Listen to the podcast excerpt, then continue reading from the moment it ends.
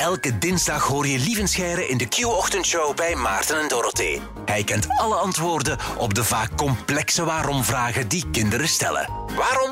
Daarom. Kinderen die door hun waarom-fase gaan, die, eh, die stellen soms vragen waar je als volwassene vaak het antwoord niet op kent. Nochtans zijn het vaak interessante dingen om te weten voor jong en oud. Er is gelukkig één man die al die antwoorden in zich draagt. Goedemorgen, lieve Scheire. Een zeer goedemorgen. Hallo. Goedemorgen, lieve. Leuk dat jij er ook weer bij bent. Met heel veel plezier zeg, eh, eh, eh, met het prachtige elfjarige koppel.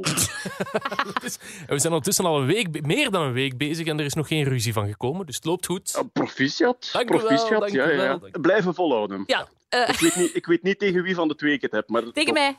Tegen mij. De vraag die wij deze week eh, voor jou hebben gekregen gaat over de zee. Ben je iemand die graag naar de zee en het strand gaat, lieven?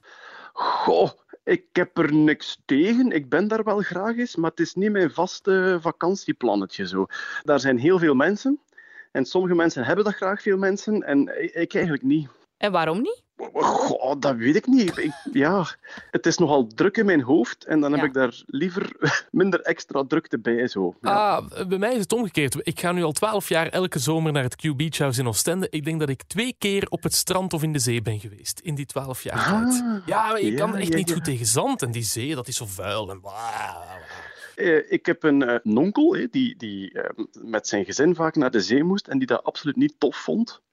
Maar behalve de horeca, hè, zo Ja, ja. de dijk en, en dat soort dingen, dat vond hij allemaal tof. Maar zo het strand en de zee niet. En die heeft ooit in alle serieus de uitspraak gedaan: eh, moest dat niet zijn van al dat zand en al dat water, de zee, dat zou toch plezant zijn.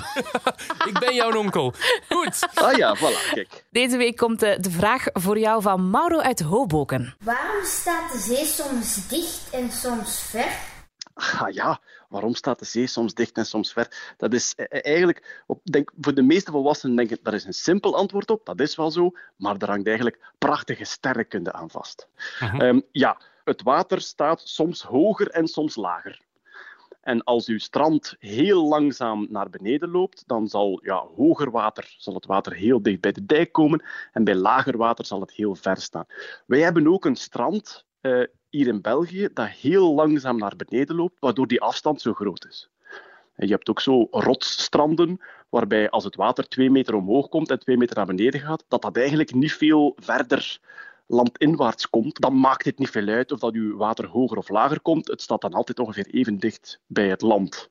Ehm, er zijn stranden waar het nog extremer is dan bij ons. In ehm, eh, Mont Saint-Michel in Frankrijk gaat het strand eigenlijk zodanig traag naar beneden dat bij een springtij een galopperend paard de zee niet voor kan blijven.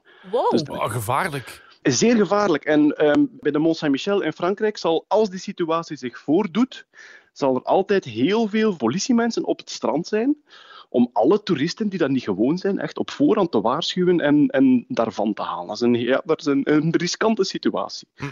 En natuurlijk is dan de vraag, waarom gaat dat water nu twee keer per dag omhoog en naar beneden? Iets met de En dat maan. is allemaal... Ja, inderdaad. Dat is de schuld van de maan. Ehm, de maan heeft een zwaartekracht, net zoals wij hi- hier op aarde. hè. Dus de reden dat wij met onze voetjes mooi op de grond blijven staan, is omdat de aarde ons naar beneden trekt. De maan trekt ook een beetje naar ons, maar zodanig weinig dat wij daar niks van voelen.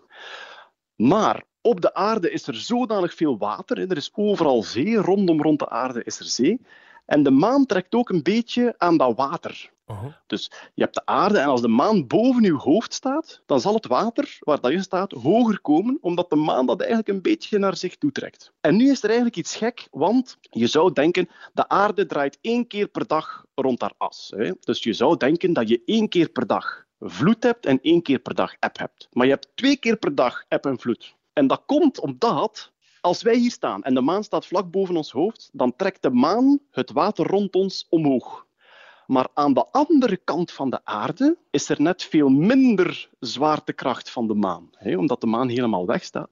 En daar komt het water ook omhoog, omdat het water weg van de maan beweegt. De maan trekt harder aan de aarde dan aan het water, dus staat het water een beetje weg van de maan, aan de andere kant van de maan.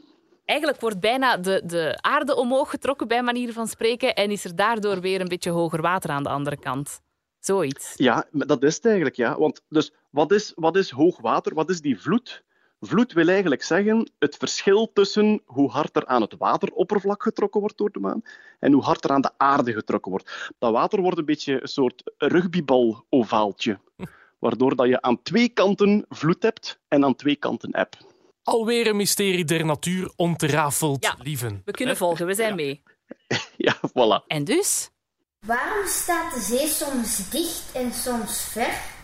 Omdat het water omhoog en naar beneden gaat, omdat de maan daaraan trekt. Dankjewel, lieven. En tot volgende week dinsdag, hè. Joep, tot dan. Hoi. Dit was Waarom Daarom. Luister ook naar de andere afleveringen van deze podcast. Maarten en Dorothee hoor je elke ochtend van 6 tot 10 bij Q-Music.